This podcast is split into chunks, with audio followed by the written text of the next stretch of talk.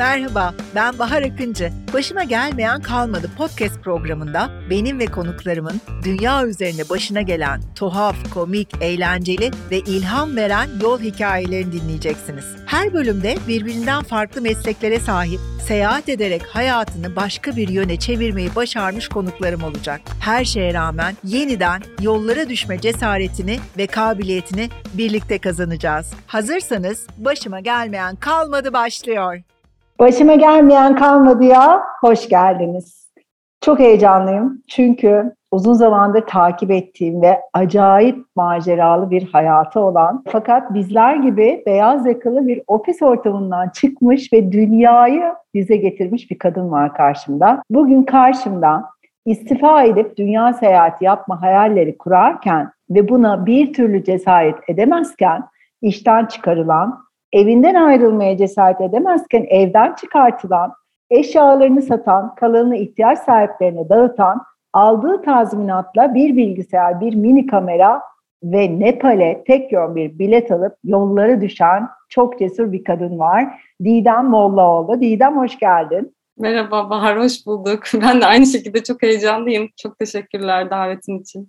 Ben de buraya gelmeni heyecanla bekliyordum. Karşımda olmanı çok heyecanla bekliyordum. Ama bugün bir sürü teknik aksaklık yaşadık. Merkür Retrosu'na bağlıyorum bunu ama nihayet karşımdasın ve çok keyifli bir sohbet yapacağız birlikte. Çok acayip hikayelerin var. Malezya'da çalınan bilgisayar ve kamera hikayesi, Laos'ta motor kazası, kırık omuzla 90 kilometre motor sürüşü, sokakta banklarda geçirilen geceler, 10 gün hiç yıkanmadan bir arabanın içinde yaşama Hindistan'da hamam böcekleriyle dolu bir oda ve ben bunları anlatırken yoruldum. Sen e, neler yaşadın tahayyül bile edemiyorum. Şimdi hepsini tek tek dinleyeceğiz birlikte. Şimdi sana sormak istediğim bir şey var. Şuradan başlamak istiyorum. Orta gelirli bir ailede büyüdün. Ankara Üniversitesi İletişim Fakültesi Halk İlişkiler ve Reklamcılığı bitirdin. Ve hepimiz gibi 2001 yılında işte sen ajanslarda başladın, kimimiz kurumsal şirketlerde başladık, ben de reklam ajansında başladım. Hayata başladık. Ve işte kariyerimize iyi kötü devam ettik. Kimi yerde sigortamız bile ödenmedi, kimi yerde çok çalıştık e, ama bir şekilde gayret ettik ve bir kariyer yaptık. Sen son olarak bir GSM operatöründe kurumsal iletişim departmanında çalışırken ve aslında herkesin sahip olmak isteyeceği bir işin varken sen mutlu değildin ve ne yapacağını bilmiyordun aslında. Tek bildiğin çantanı alıp seyahat etmek istediğinde ama cesaretin ve paran yoktu. Nasıl oldu, nasıl gerçekleşti bu yolculuk? Ben aslında hani cesaret yolculuğu nasıl başladı derken hani korkuyla başladı diye cevap vermek istiyorum. Çünkü o kadar çok korkuyordum ki herkesin kaygıları gibi benim de çok kaygılarım vardı. Çünkü Normalde işte bir meslek sahibi olup ofis ortamında çalışıp oradan kazandığım parayla hayatını geçindirebileceğini düşünüyordum. Bunun dışında başka bir yol yoktu bildiğim. E, mutsuzdum. Neden mutsuzdum? İçimde büyük bir boşluk vardı. Yapmak istediğim, olmak istediğim yerde değil hissi vardı çok fazla. Ama ne yapmak istediğimi de bilmiyordum. Sanırım bu hepimizin ortak sorunu. Hani şu anda yapmak istemediğimiz bir şey var ama ne yapmak istediğimizi bilmiyoruz. Aynı şekilde bende de vardı. Ve böyle böyle yıllarım geçti. Her günüm istifa edeceğim sözleriyle geçiyordu. Hatta öyle söyleyeyim. Her günün hatta değil mi? Aynen. Ee, böyle çentik atar gibiydim yani. Hani günlere çentik atıyordum. Ee, sonra yine bir gün aynı sabah işte sabah 6'da kalkıyorum alarmla uyanıyorum ve ofise gidiyorum ve bir arkadaşıma diyorum ki ben daha fazla yapamayacağım istifa etmeye karar verdim. Ama tabii param yok. Bir kendime süre verip para biriktirip ondan sonra yola çıkacağım. Arkadaşım dedi ki bana Didem her gün aynı cümleyi kurmaktan bıkmadın mı? Bu bana bayağı böyle tokat gibi geldi. Çok sarstı beni. Çok haklıydı. Hani böyle şikayet edip hiçbir şekilde aktif yani bir eylemde bulunmuyordum. Derken masama oturdum, çalışmaya başladım. Aradan 5 saat geçti ve bağlı olduğum yöneticim beni odasına çağırdı. Ben de kalemimi, defterimi aldım. bir şey söyleyecek zannettim işle ilgili. Dedi ki Didemciğim seninle yollarımızı ayırmaya karar verdik. Ben o anda tabii içimde hem işte mutluluk çığlıkları ama bir yandan da egom sarsılmış beni nasıl işten çıkarırlar. Ve ben bir anda bütün eşyalarımı toplayıp eve gittim. Müthiş bir şok var ama bir yandan da heyecan var. Çünkü çok hayalini kurduğum büyük bir seyahat var. Ona gitmek istiyorum. Tamam dedim işte bu benim için fırsat. Çünkü tazminat da aldın. Aynen öyle. Ben de tazminat alıp kovulup tazminatla ilk seyahatlerimden birini öyle uzun seyahatimi öyle gitmiştim. Sonra? Aynen öyle. Aradan zaman geçti Bahar ve ben o korku giderek büyümeye başladı. Neden? Çünkü bağlı olduğum, alıştığım şeyleri bırakmak istemedim. Hazıra dayanmaz laflarıyla büyüdük. İşte memur bir ailenin çocuğuyum. O hazır para bitince ne yapacağım? Sonra nasıl geçimimi sağlayacağım gibi kaygılar başladı. İstanbul'da hani çok güzel bir evde çok uygun fiyata kalıyorum, kira ödüyorum. İşte eşyalarımı yenilemişim, her birini özene bözene almışım. Kedim var. Bunları bırakamadım. Ve dört ay böyle ne yapacağını bilmeden dolandım durdum. Ve yine bir gün aradan işte dört buçuk ay geçti. Bir, bir arkadaşım yine güzel bir tokatladı beni. Dedi ki Didem artık karar ver gideceksen git kalacaksan kal. Tazminat yiyorsun böyle. Dedim ki haklısın. Ve bir arkadaşım vardı ev arıyordu. Ben yine düzenimi bozmak istemediğim için hani onu arayıp sen gel benim eve geç, benim yerime kirayı öde. Böylece ben düzenimi de bozmamış olurum. Eşyalarım da o özene bözene aldığım eşyalar da böylece kalır diye düşünürken o sırada ev sahibim aradı. Ayın ortası kirayı ödemişim. Bu arada bilgisi yok işten çıkarıldığıma dair. Çok da iyiydi aramız. Dedi ki biz Ayvalık tarafına yerleşmeye karar verdik ve evi satışa çıkartıyoruz. Ben de durumu anlattım. Dedim ki o zaman ben de daha fazla hani kira ödemeyeyim madem evi satacaksınız. Çok ani bir kararla o sırada Akyaka'daydım. Hemen İstanbul'a bilet aldım. Geldim. İki hafta içinde bütün eşyalarımı sattım, satamadıklarımı ihtiyaç sahiplerine verdim. Hatta bayağı bir kıyafet orada 10 çok poşet dolusu kıyafet verdim. Ve tek yön biletimi Nepal'e aldım. Ve yolculuk benim için öyle başladı. Ama çok korku korku yani uçağa bile böyle hıçkıra hıçkıra ağlayarak, bacaklarım ellerim titreyerek bindim. Hani dışarıdan beni gören muhtemelen ya yazık kızın cenazesi var herhalde falan diye düşünmüştür. Peki Nepal'de çok enteresan bir şey oldu yani bu kadar korkuyla birlikte evet uçağa bindin, hıçkırarak ağlayarak gittin ama Nepal'in ikinci gününde ben yapamayacağım, ben döneceğim dediğin anda biriyle karşılaştın. O kişi sana cesaret verdi, yola devam etmeni sağladı. Kimdi o insan?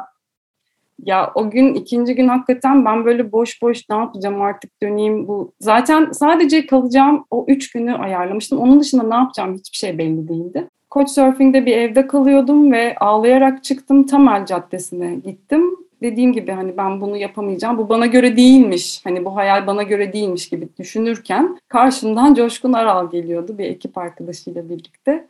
Ben böyle onu görünce zaten Can Smith'i bulmuş gibi yapıştım yani.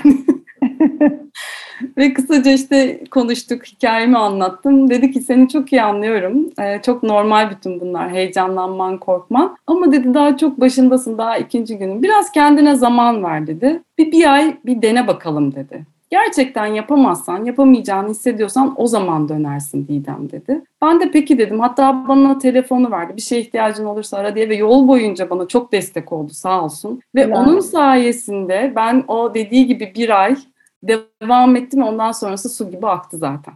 Ya bu tür cesaretler o kadar önemli ki yayına bağlanmadan 5 dakika önce kolektif havzaya bugün oradan bağlanıyoruz. Dünya tatlısı bir kadın geldi yanıma Beyza. Dedi ki siz benim hayatıma dokunan insanlardan birisiniz. Çünkü sizin peşinizden Lizbon'a gitmeye cesaret ettim ve orada bir yıl Erasmus yaptım. Tamamen sizin Lizbon'un bana güvenli olduğu hissini geçirmenizle. Ben çünkü bir kış vakti gitmiştim Lizbon'a bundan işte ilk 7-8 sene önce ve hani kışın belki çok güvenli gelmeyebilir insanlara bazı şehirler. Yazın olduğu gibi cıvıl cıvıl değil.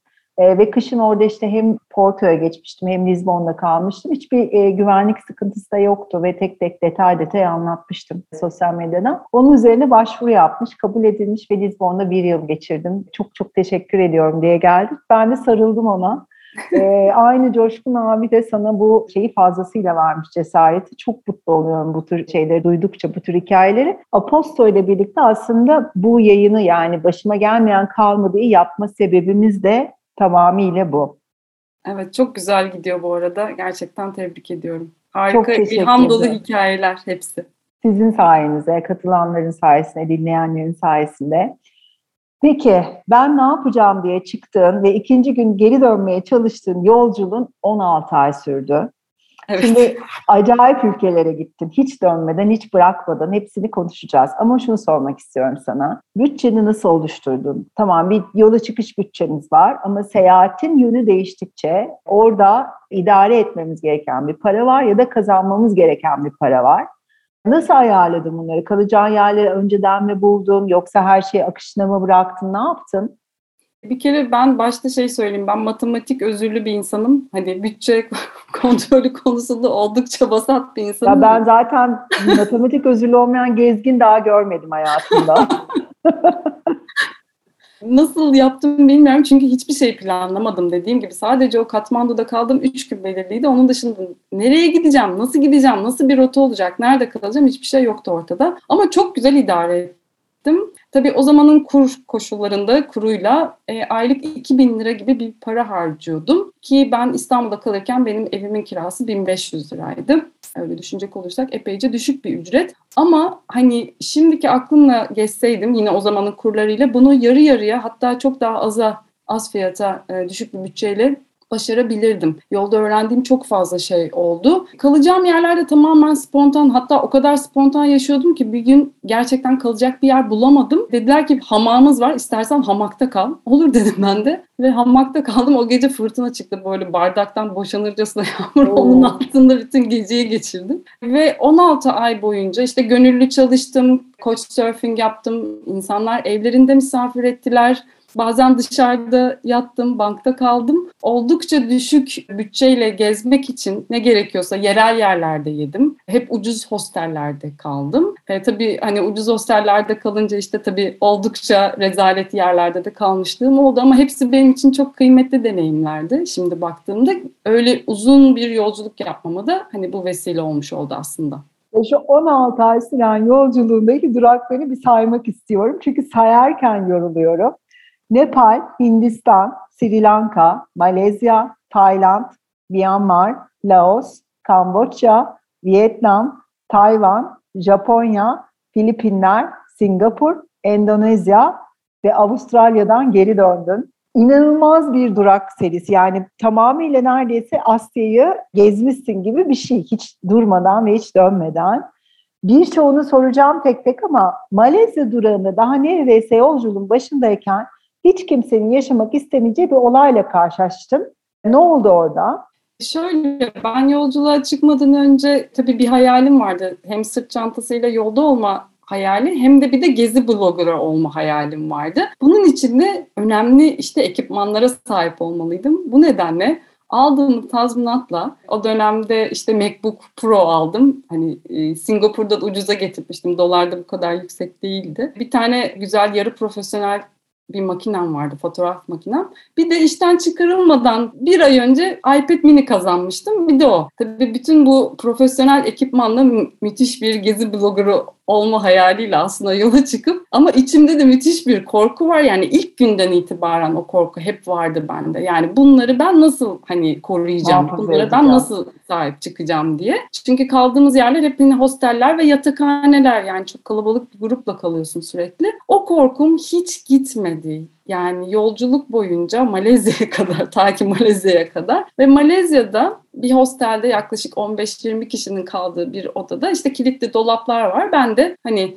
gün içinde gezerken o onları taşımak istemediğim için kilitli dolaba koydum ve odada bir tane adam vardı. Gerçekten hiç haz etmediğim enerjisinden hoşlanmadığım içimden de dedim ki bu adam bir şey yapacak ama ne yapacak acaba? diye. Ve o gün hostelden çıkarken Tayland'a gidecektim ve vize alacaktım iki ay kalmak için. Odadan çıkarken dolabıma o kilitli dolabıma baktım ve öyle çıktım. Ve döndüğümde dolabın kapağı açıktı ve içi bomboştu. Of. Her şey Peki gitmiş. kilidi, kilidi mi kırmış? kilidi kırmış. Evet. Hostelde hiçbir sorumluluk almıyor tabii bunlar. E, hostelin bir dolu zaten hatası vardı aslında. Onlar çok detay olduğu için anlatmayacağım. İşte sahte kimlikle giriş yapmış vesaire vesaire. Yani polis merkezinde hepsi ortaya çıktı. Ama tabii hani isteyemezsiniz yani o kadar hani bana kameramı, bilgisayarımı geri ver gibi öyle bir şey yapamadım. Belki cazgırlık yapsam olurdu bilmiyorum. Şöyle sağ olsun hard diskimi bırakmış. yani bir üç ayım kurtuldu orada hani fotoğraflar. Yoksa çok üzülürdüm. Ona üzülürdüm yani. Nasıl? içinden hard diskini mi almış? Bir Yok o har- şeyler harcı. Ha, onu bırakmış. Onu bırakmış sağ olsun. Var ne yalan söyleyeyim böyle bir rahatlama geldi bana. Yani böyle boş dolaba baktım ve bir omuzlarım indi ve dedim ki hafifledim. Yani şöyle bu kadar eşyalarını satıp bu kadar hani minimize ettiğin bir yolculukta böyle bir ekipmanla zaten çıkmak hataydı. Yani ve en Doğru. başından beri korku ve endişeyi taşıyarak gerçekten iki şeyden korktum yola çıkarken. Biri buydu ve başıma geldi. İkincisi de zaten konuşacağız sohbetin ilerleyen devamında. Ee, ve benim yaklaşık 12 kiloluk çantam abartmıyorum 7 kiloya düştü. Yani çok ağırdı zaten ekipmanlar. Ve orada dedim ki bu bana bir işaret. Hani sadeleşmem konusunda bir işaret. Ve hani evren benimle bu şekilde aslında bir bana bir el uzatmış oldu. Yani ben öyle gördüm en azından. Tabii artık bir de şöyle bir şey var. O zaman için yani bundan 4-5 sene önce telefonların kamera teknolojisi şu an eriştiği boyutta değildi. Şu an sadece bir Apple telefonla dünyanın her yerini gezip her yerinden olağanüstü fotoğraflar, videolar çekip hakikaten de çok başarılı bir blog ya da işte e, televizyon programı vesaire üretebiliyorsun. Belki tanıyorsundur. Burada da konuk oldu. Asil Özvay var. O da motosikletiyle dünyayı geziyor. Evet. Asil e, sadece bir cep telefonuyla, bir Apple cep telefonuyla CNN'e bağlı program yapıyor. Geldiğimiz teknoloji beni çok heyecanlandırıyor, çok umut vaat ediyor bu konuda. Ve motosiklet demişken geldik acayip bir motosiklet hikayesine. Şimdi e, Asya'ya gidenler bilir ki Asya'yı en verimli ve en ekonomik yoldan gezmenin tek yolu motosiklet sürmek veya bir motosiklet sürücüsünün arkasına binmek. Ben bunun için burada uzun süren bir eğitim aldım İstanbul'da ve A2 motor ehliyeti aldım. Çünkü o anda bunu yapabilecek imkanım vardı 4 sene önce ve aynı zamanda vaktim de vardı enteresan bir şekilde. Ancak sen yoldaydın ve böyle bir eğitim alacak bir durumun, vaktin, naktin e, yoktu yolda olduğun için. Ama cesaretin vardı ve maceran çok daha farklı şekilde gelişti. Ne oldu Laos'ta? Motosiklette başına neler geldi? Yani şimdi bir kere baştan şunu söyleyeyim. Ben motordan inanılmaz korkan bir insanım. Gerçekten e, iki arkadaşımla motor kazasında kaybetmiş bir insanım ve motora karşıyım yani. Hani motor kullanmak kadar saçma bir şey yok dünyada falan diye dolaşan bir insandım. Tabii Asya'ya gittim hani her yer motor. Arkaya bile binmeye korkuyorum. Öyle bir büyük bir korkum vardı ama derken hani yapacak bir şey yok yani başka türlü gezme şansım yok. Öyle hostellerde bulduğum arkadaşların arkasına binip öyle öyle hani bir şekilde korkumu yendim çok şükür. Ama hani motora binmek, motoru yani motoru kullanma fikri hiçbir şekilde yoktu. Ama hani yolda tanıştığınız gezginler de tabii o kadar çok şey öğreniyorsunuz, o kadar çok şey katıyorlar ki hayatınıza. Portekizli bir çocukla tanışmıştım Kamboçya'da. O Vietnam'da bir motor almış ve hani bütün o Asya ülkelerini motorla geziyordu. O benim kanıma girdi. Dedi ki bak korkacak hiçbir şey yok. Şöyle basit böyle basit filan. O kadar işte o korku seviyesi o kadar yüksek ki ya ben yapamam diyorum başka bir şey demiyorum. Derken dedi ki bak dedi Laos'ta bir yer var bir adam var Belçikalı bir adam. Oraya yerleşmiş bir dükkan açmış motor kiralıyor. Oraya git o sana yardımcı olur dedi. Ve ben de böyle zangır zangır yine titreyerek dükkana gittim ve onun bana kiralamamı söylediği tavsiye ettiği motor adamda yokmuş. Bütün kasabayı gezdim. Hiçbir şekilde o motoru bulamadım. Semi otomatik dedikleri yarı vitesli bir motor. Ve adam dedi ki yani maalesef yok herkes turda şu anda. Dedim ben sabah erkenden geleceğim ve hani belki gelen olur. Dedi ki sabahları turdan dönen olmuyor. Ben inat sabah 8'de dükkan açılmadan gittim önüne. Adam böyle beni görünce güldü hatta. Ve saat 8.30'da iki kişi turdan döndü. Benim Vay. işte kiralamak istediğim motorla geldiler. Adam dedi ki nasıl şanslısın sen? Ve beni aldı ara sokaklarda 15 dakika bak şöyle kullanacaksın dedi. Bana motoru verdi. Tek dediği şey şu hani senin canın kıymeti motor 150-200 dolarlık bir şey bir şey olursa motoru at sen kendine bak dedi. Tamam dedim ve ben yola çıktım. Laos'un ünlü motor rotalarından biri olan bir rota var. Üç gün boyunca motor kullandım ve inanılmaz keyif aldım. Yani böyle hatta motor kullanırken bağırıyordum yani. İşte çok, bu yaşasın. Çok güzel bir şey. Muhteşem bir his. Gerçekten öyle. Ve o üç günlük yolculukta inanılmaz cesaret kazandım ve benim için çok unutulmaz bir yolculuk oldu. Derken aynı şirkette çalıştığım arkadaşım beni görmeye Laos'a geldi e, ve bir, kasabada, başka bir kasabada buluştuk ve ona dedim ki motor kiralayalım ve Çin sınırına gidelim. Onunla motoru kiraladık, yola koyulduk. Yollar inanılmaz bozuk, çukurlu, virajlı, böyle inanamazsın. Ama Peki, bende öyle evet. bir özgüven var ki ben köylerden geçerken Tek motor kullandınız ve o arkanda oturuyor. Yok, ikimiz ayrı ayrı kullanıyoruz. Ha okey. Ve öyle bir özgüven gelmiş ki bana köylerden geçerken çocuklara el sallıyorum yani tek elle falan kullanıyorum öyle bir yolda. Derken ben öyle halkı selamlarken meğer arkadaşım durmuş. Ben de ani fren yaptım ve tabii yolda yapıştım 2.80 ve işte bir acı tabii omzumda ama öyle de bir inat var ki dedim ki 30 kilometre kalmış ben yola devam edeceğim. Ve yola devam ettik biz ama köye vardığımızda artık dayanamayacak durumdaydım. Ve biz yolu aynı şekilde geri döndük. Yani sen o acıyla 30 kilometre kullandın. Ondan Ardından sonra 60 60 kilometre kilometre daha. kullandın. Geri Hatta bir kere şimdi. daha düştüm. Bir kere daha düştüm çünkü sol kolumu kullanamıyordum. Önüme köpek çıktı. Direksiyonu kıvıramadığım için ben yine düştüm. Of. Ve sonra bizi işte köydeki adamlar koşa koşa yoldan beni topladılar, oturttular. Şamanik bir köydü. Dualar okudular. Çok enteresan da o da benim ne için. tatlı. Böyle bir şeyler sürdüler. Köyde kalmamızı istediler. Çünkü karanlık o yolda kullanmak tehlikeliydi ama ben bir şekilde başardım ve hani otele gittik. Ertesi gün benim için daha büyük bir problemdi. Çünkü şöyle sen de bilirsin sağlık sistemi çok kötü. Hele ki ben küçük bir kasabadayım. Hastane yok. E, İngilizce bilen doktor bulmak zor. E, Sigortam yok. Böyle çok ciddi rakamlar çıkabiliyor. 1000 dolar, 1500 dolar yani en azından tanıştığım gezginlerin ödediği miktarlar bunlardı. Şansıma Bahar bir tane hastane bulduk. Devlet hastanesi. İsviçreliler hani hayrına oraya bir hastane yapmışlar. Ve yani o kadar temiz, o kadar düzgün bir yer ki. Aa, Acilden girdik ve beni İngilizce bilen bir doktor karşıladı. Her şeyimi 15 dakika içinde hallettiler ve ben 15 dolar ödedim. Dediler ki işte omzunda kırık var. Hani ameliyat olman gerekebilir, Türkiye'ye dönmek zorunda kalabilirsin. Ben orada koptum tabii. Yani bu gezi böyle bitmemeliydi, dönmek istemiyorum diye. Sonra maalesef bir hafta önce kaybettiğim ortopedist bir arkadaşım hemen ona röntgen nur içinde yazsın. Röntgen filmlerini, fotoğraflarını gönderdim. Dedi ki sen yola devam et, gelme Türkiye'ye. Bana ne yapacağımı söyledi ve ben o şekilde kolum askıda 6 hafta geçirdim. Ve 6 hafta boyunca motor kullanmadın diye tahmin ediyorum. Ee, yok kullanmadım ama motora bindim. Onu da anlatırım bir ara. Tamam. Peki. Benim de aşık olduğum Hindistan'da uzun süre kaldım. Nereden başladın? Nasıl başladın Hindistan yolculuğuna ve bu inanılmaz ülke sana ne gibi kapılar açtı?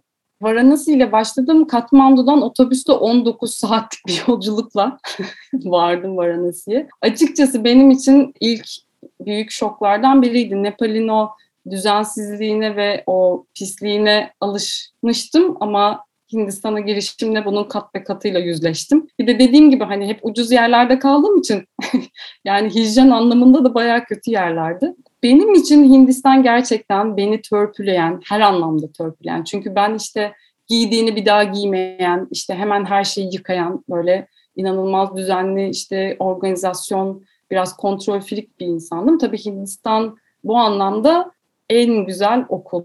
Ve hani o kadar tabii düşük bütçeyle gezdiğim için en düşük sınıflı tren yolculukları oldu. 24 saat süren, belki daha fazla süren, yerde yatan insanlarla birlikte yolculuk yaptım. Ama mesela benim için en unutamadığım yer yok. Yedeklerdeyiz ama bir şekilde kaçak bindim trene ve hani bir adam normalde işte kendi parasıyla satın aldığı yataklı koltuğunu hani benimle paylaştı bütün gece uyumadan. O anlamda benim için hani çok zorlayıcı ama bana çok şey öğreten hani her anlamda çok şey öğreten bir yerdi.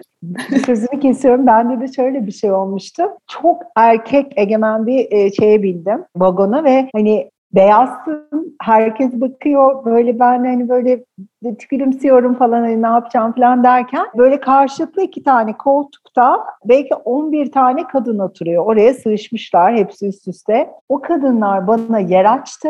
Beni ortalarına aldılar. Resmen korumaya aldılar beni. Ve ben onların ortasında 4 saat, 5 saat yolculuk yaptım. Ben de o anı unutamıyorum. O kadınları böyle öpüp öpüp sarılıp ayrıldım yani. O kadar tatlılardı. Başıma bir şey gelmezdi yani ama bunu yapmaları beni inanılmaz mutlu etmişti o anda. Evet, kadınlar çok koruyorlar gerçekten. De çok. Evet, aynen. Ve sonrasında evet. da son günlerimde Hindistan'da o artık hani benim için rekordu. Şöyle benim en çok korktuğum hayvan hamam böceğidir gerçekten yani.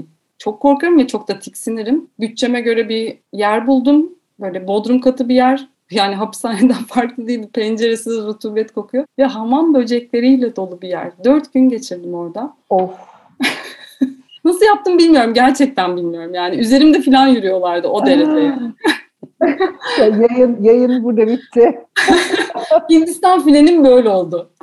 İnanılmaz. Ya o kadar çok ülke gezmişsin ki bu 16 ayda. Keşke vaktimiz olsa sana burada hepsini anlattırsam ama böyle içinden cımbızla seçmeye çalışıyorum. Çoğunda böyle bildiğim, takip ettiğim veya konuştuğumuz için zaman içinde. Ama hepsi muhteşem hikayeler. Yani her ülke ayrı bir deneyim olmuş senin için. Ama sona doğru geleceğim. Şunu soracağım sana. Avustralya'ya geçiyorsun ve Tazmanya'da bir anda bir dönme kararı alıyorsun. Nasıl oluyor bu karar? Sana bu kararı aldığın hikayeyi dinlemek istiyorum. Tazmanya'da araba kiralayarak gezdim ama tabii yine bütçemi ayarlamak için arabada yatıp kalktım. Bir uyku tulumu almıştım Sydney'de tanıştığım bir arkadaştan ve yolculuk sırasında spiritüel konularla iyice merak saldığım bir dönemdi ve Facebook'ta Ayşe Nilgün Arıt diye bir Maya şamanının yazısına denk geldim ve kendisiyle iletişime geçtim. Kitapları vardı onları hani ulaşmak istediğimi, okumak istediğimi söyledim ama e-kitap olmadığını ancak Türkiye'de hani bulabileceğimi söyledi ve ondan sonrasında da aylar geçti ve Sydney'e ulaştım ulaştım ben ve orada yine işte bir Türk çiftle tanıştım. Onlar benim hala çok yakın dostlarım. Onlarla sohbet ederken bir anda kütüphanelerinde Ayşe Nilgün Arat'ın o benim okumak istediğim kitaplarını gördüm ve çok şaşırdım. Aa. Ve Burcu dedi ki ben onun öğrencisiydim ve eğitim aldım. Ve biz hemen Nilgün Hoca'ya mesaj gönderdik, fotoğraf gönderdik. O bana dedi ki sen Türkiye'ye ne zaman döneceksin?